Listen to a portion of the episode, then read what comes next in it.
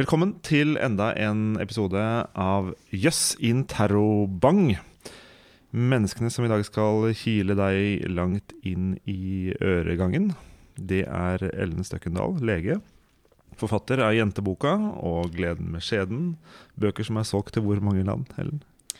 36 språk. What?! Det er ganske sjukt. Spør du meg. Det leses i hele verden. Eh, og Gunnar Michaelsen Kvifte, som har viet sitt eh, liv til å studere insektsgenitalia. Det stemmer. Jeg så jeg er spent på om det blir mye underliv i denne episoden. Eh, jeg heter Andreas Wahl um, og er fysiker. Og eh, bare sånn gjennomsnittlig opptatt av underliv, tror jeg. Vi får se. Eh, hva har dere med for eh, eh, gøy i dag? Ja, skal jeg begynne? Um, eh, ja, jeg skal snakke om underliv og sex, siden det er feltet, feltet mitt. Ikke insekter, men mennesker, er det da det dreier seg om. Og min pitch er at kvinner har morrabrød. Oi! Kvinner har morrabrød. Har insekter morrabrød? Jeg bare spør. Eh, Det kommer vel helt an på uh, insekter, tror jeg. For de har jo ulike, ulike behov i ulike deler av livssyklusen sin. Og ulike insekter har jo veldig ulik eh, livssyklus, da. Men hva, var du med? Jeg hadde tenkt å snakke om ei venninne av meg som er så vill etter sperm at hun eh, river mannfolk i to. Eller er villig til å rive mannfolk i to for å få tak i det. Okay. Er det en venninne du En venninne med seks bein. Ok. ok. Da har du enten veldig spesielle venner, eller så er dette eh, tøystrikken litt å kalle det for en venninne. Eh, alle insekter er mine venner. Greit. Eh, Jeg har tenkt til å fortelle om en danske som klarte å heve et skip i Kuwait eh, havn på en helt spesiell eh, måte. Men da han prøvde å søke patent på denne metoden sin, så um, ble den avvist. For det var allerede beskrevet i Donald. Åh. Gøy. Så hva vil dere høre mer om? Alt. Ja, jeg vil ha høre mer om begge to. Ja, men jeg må velge. innrømme at uh, jeg trekkes liksom mot splatterfilmelementet i din, da, med sånn i to-rivning og ja. Ja. Da går vi for Ja, det er, eh, jo, det er jo bare unntaksvis at det blir eh, vi to, da. Men uh, vi din skal seksbeinede venninne. Fortell. Ja, vi skal til Brasil. Til en hule i Brasil hvor det lever ei, en støvlusart som heter Neotrogla aurora.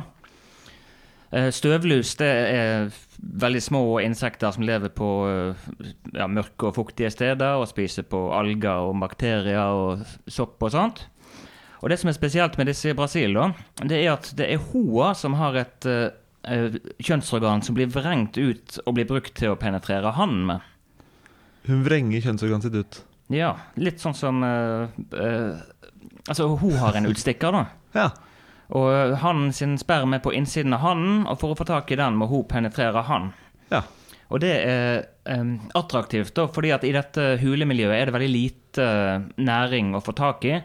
Og for at hannene skal kunne få eh, konkurrere om hoene, da, så eh, pakker de spermiene inn i store næringsrike um, pakker med ulike næringsstoffer, proteiner og sukker og alt mulig sånt. Så spermen blir en veldig viktig ressurs for uh, hoene.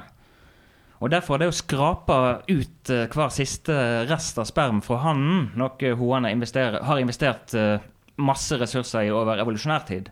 Så de har svære, i mangel av et bedre ord, eh, peniser, da. Med kroker og mottaker og alt mulig rart. Og så når eh, hun er der inne da, for å eh, pumpe ut hannen sine kjønnsprodukter, eh, så eh, forankrer hun seg så godt fast at hvis du prøver å rive dem fra hverandre, så er det han sin bakkropp som løsner først. Altså, hun glir ikke ut. Hun er så godt forankra at eh, den hannen går i fillebiter. Yes.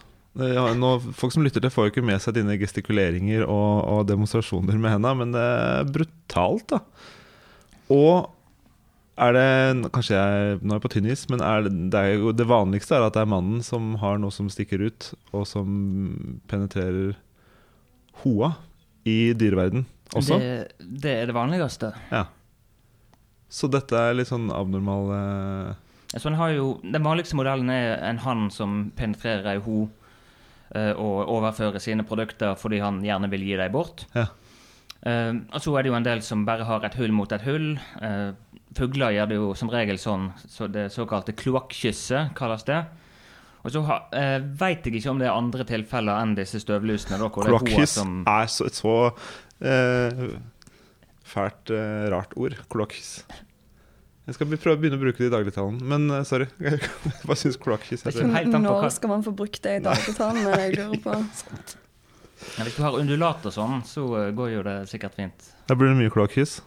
Uh, ja, hvis det, det kommer an på om klo, uh, undulatene dine er i humør til det. Jeg tror samtykke er viktig i undulatverdenen òg. Men disse uh, Men eh, det eneste dyret jeg vet om da, som, hvor det er hoa som penetrerer hannen, det er disse støvlusene i, i Brasil. Det er litt flere arter enn den ene, men de hører alle til i en slekt som heter neotrogla. Men gjør de det Du sier at de er, er de på utkikk etter matpakka som følger med spermen, eller er det Er det på en måte den Det er, det er lokkemiddelet eh, hannlusa har? Ja, så det er jo en del insekter som, hvor, eh, hvor, hvor hannene bruker denne teknikken for å bli mer eh, attraktive. Og det er en, en måte å investere i avkommet på. Vi er jo vant til å tenke på hanner og hoer som Hoa har et stort egg med masse næring som, som før oppfosteret, da, mens han er egentlig ganske ubrukelig. Altså Sædcellen er jo den minste i menneskekroppen, vel? Den er liten, men jeg vet faktisk noe om sædceller og, og insekter. For verdens største sædcelle er jo fra bananfluen, er ikke det riktig? Nettopp. eh, Det syns jo jeg var Når jeg lærte det, så ble jeg sånn Jeg skriver, jeg og medforfatteren min Nina skriver bok om guttekroppen nå. Og eh, da ville jeg ha med noen sånn rekorder, sånn verdens største. Og at verdens største sædcelle kommer fra en flue. Ja, ja. Og er Overraskende. Det er en flue på to millimeter, og den sædcella blir vel Oppi syv centimeter, tror sju jeg. den centimeter, ja. Jeg har, jeg har 60 centimeter.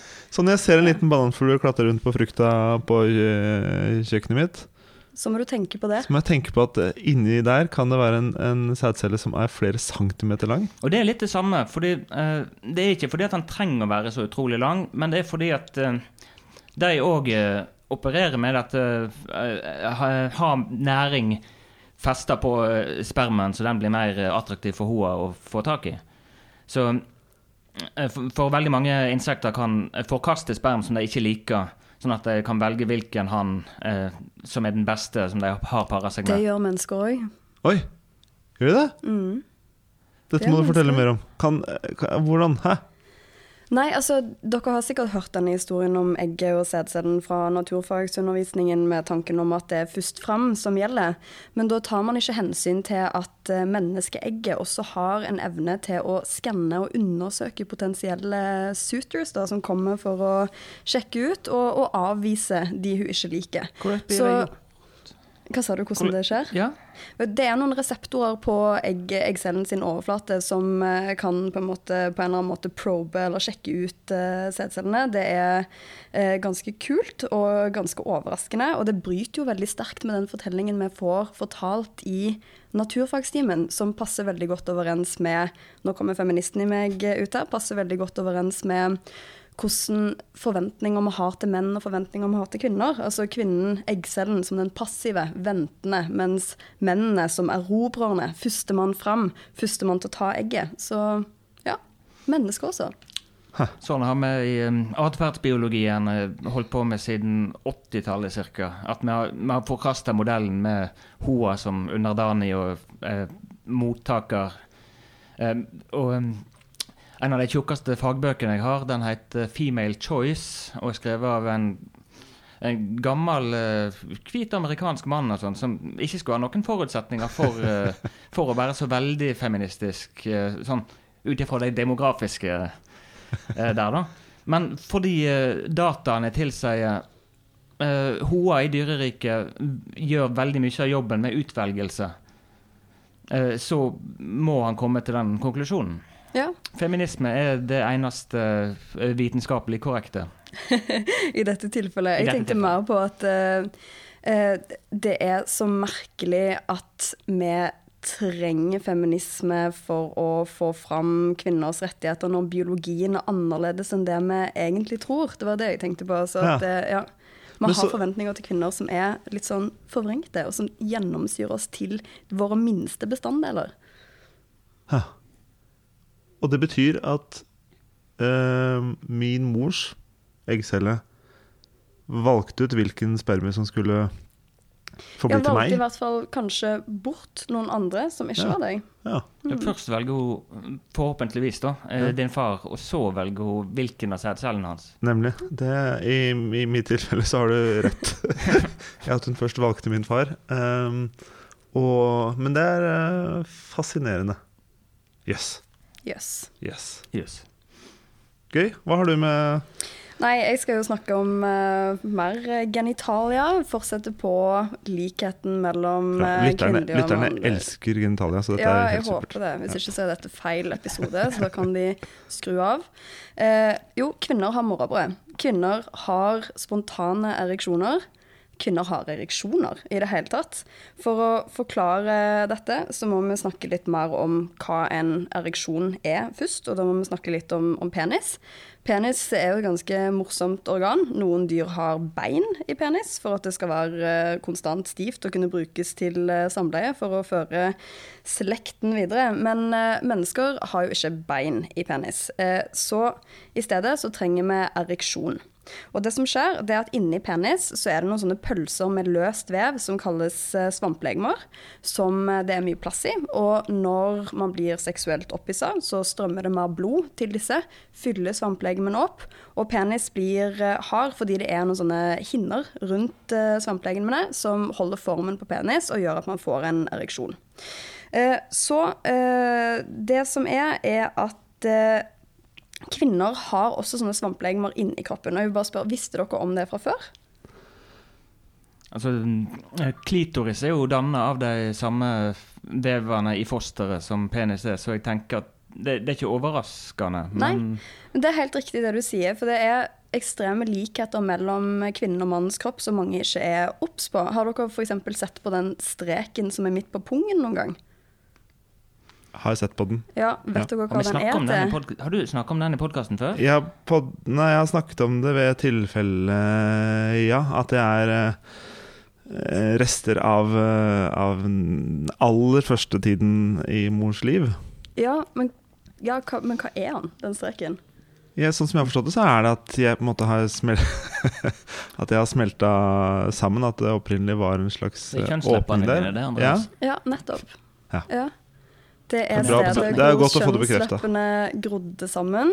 Fordi uavhengig av om man er kvinne eller mann, så starter man opp med det samme underlivet. Så både mannens og kvinnens underliv er bygd opp av de samme delene, men er organisert på helt forskjellige måter. Og det mest sånn konkrete eksempelet hvor man kan se det tydelig, er jo nettopp den streken på pungen, som er stedet hvor de ytre kjønnsleppene, som man en gang hadde, grodde sammen og ble pung. Og på samme måte så er penis og klitoris samme organ. Man skulle kanskje ikke tro det når man ser på en måte klitoris på utsiden av kroppen, liten sånn ertestørrelse, ganske liten sak, men den er bare toppen på et isfjell. Egentlig så er klitoris et stort organ inni kroppen som vi liker å sammenligne med en hest. Og det er litt fordi at en hest har et hode, det har klitoris også, det er den biten som er på utsiden av kroppen. Alt som har et hode, har også en hals. Inn i kvinnekroppen så går det en bua hals som en bumerang, som så deler seg i fire bein, hvor det ligger to bein på hver side av underlivet og omkranser urinrørsåpningen og skjedeåpningen. Og disse beina består av samme vev som penis sine svamplegemer, eller penisskaftet, som vil si at kvinner har ereksjoner akkurat som menn. Spontant flere ganger om natten, opptil åtte ganger, er det noen studier som har, eh, har funnet. Eh, og man har også spontane ereksjoner i løpet av en dag. Eh, det er jo liksom forskjellige ting som kan gi ereksjoner. Det er jo ikke bare seksuell opphisselse, men i, I puberteten så er jo på en måte klisjeen at gutter får ereksjon når de minst ønsker det. Og det er, handler om eh, svingning av eh, testosteronnivå i, i blodet. Og alle vet at i puberteten så er hormonene ekstra kaotiske. Så da kan man få litt sånn spontane ereksjoner, og det skjer også med kvinner. Og det skjer også om natten og om morgenen. Yes.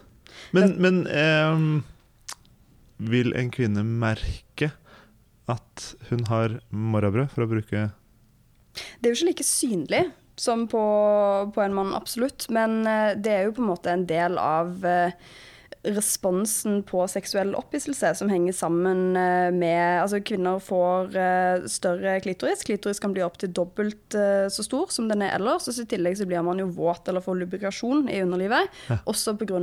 blodtilførselen til underlivet. Ja. Ja. Yes, jeg prøver å se for meg denne Hesten. Hesten, ja. En slags, er litt sånn, altså en oppblåsbar hest, bare at den fylles med blod. da, ikke Men med... dette Ja. eh, Ja. G-punktet som en hører så mye om, er det eh, at en kommer borti hesten fra innsiden, da?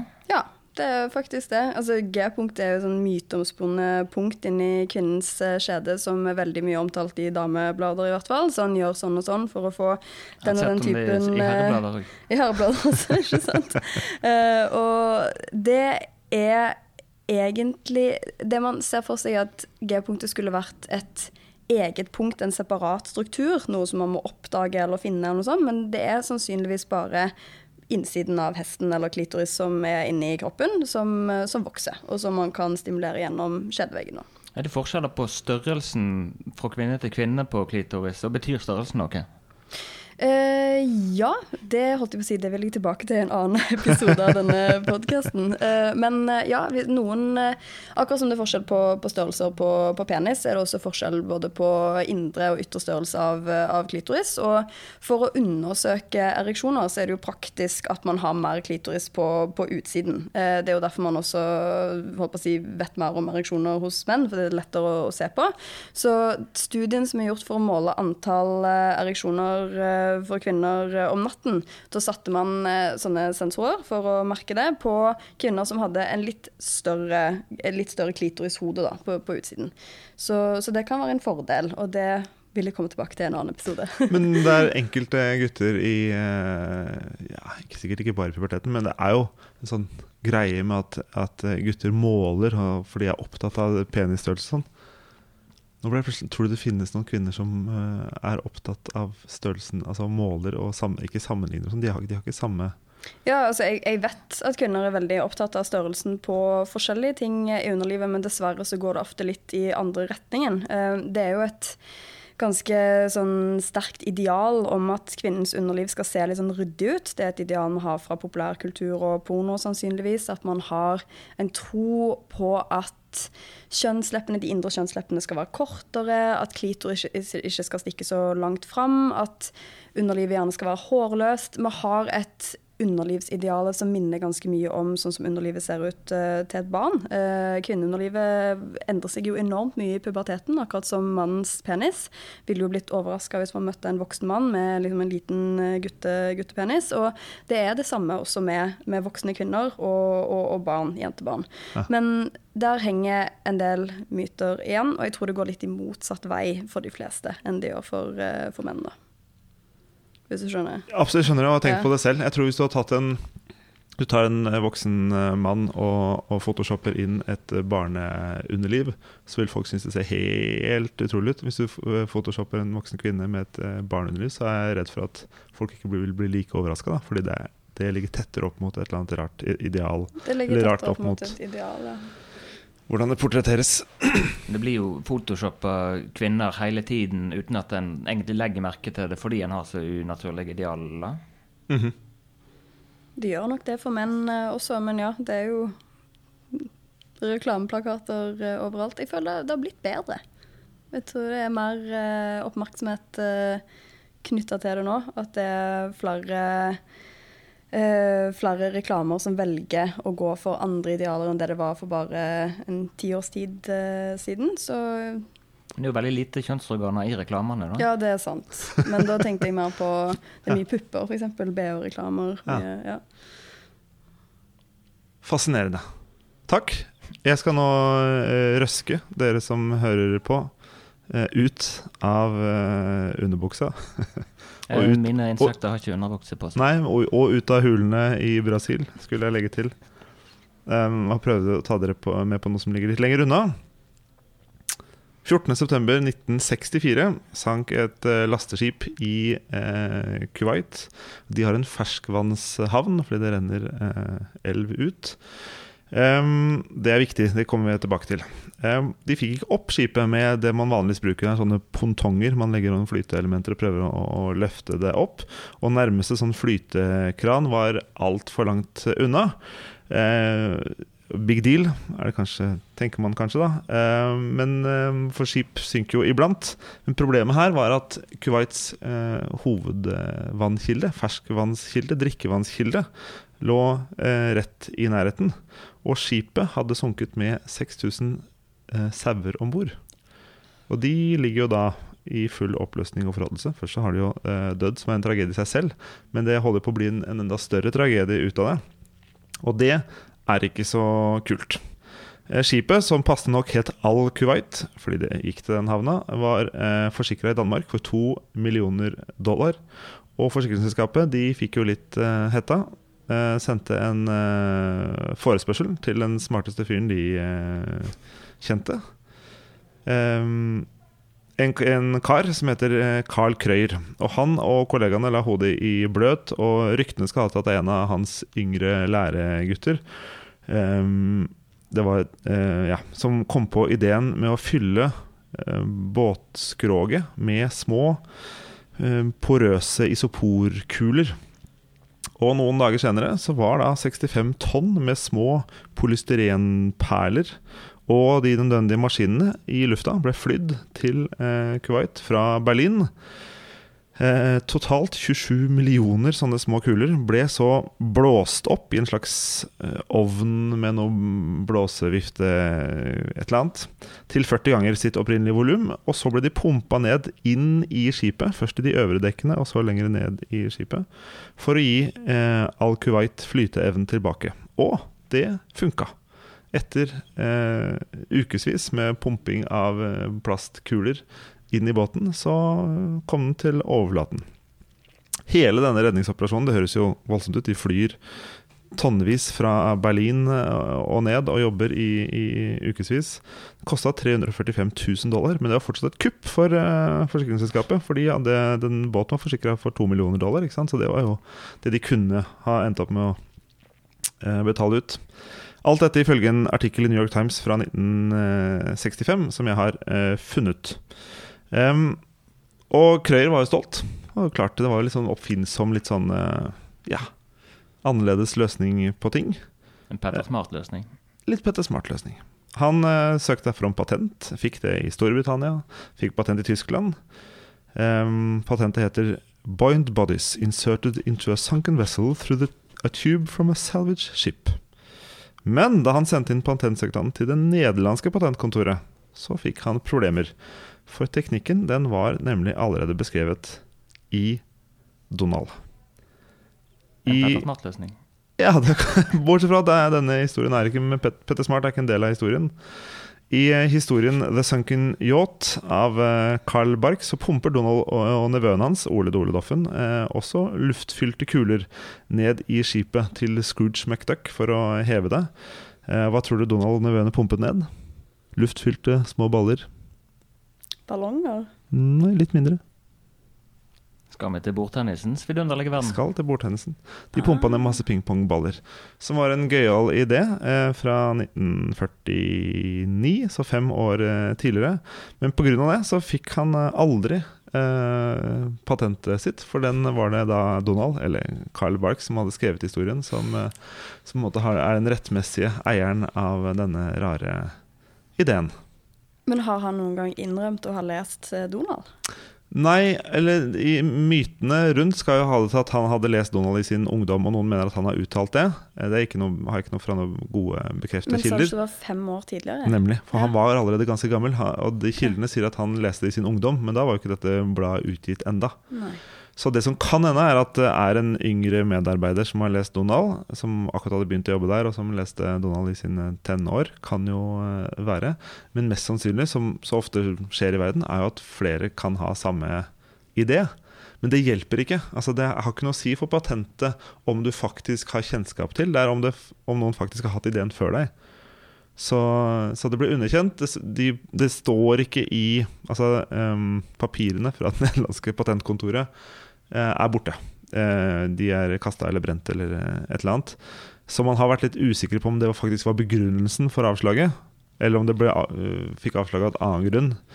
Men uh, for noen år siden så gikk faktisk det nåværende, de moderne uh, nederlandske patentkontoret ut og bekreftet at historien uh, var sann i moderne tid. At det, sånn her gikk det for seg, og Krøyer fikk ikke patentet pga. Donald. Men har noen brukt denne teknikken igjen til å redde et skip? Eh, er det noe annet som har sunket? Ja, det tror jeg, men ikke helt i, på samme måte. For det er jo noen store svakheter. Det er ganske krevende måte å gjøre det på.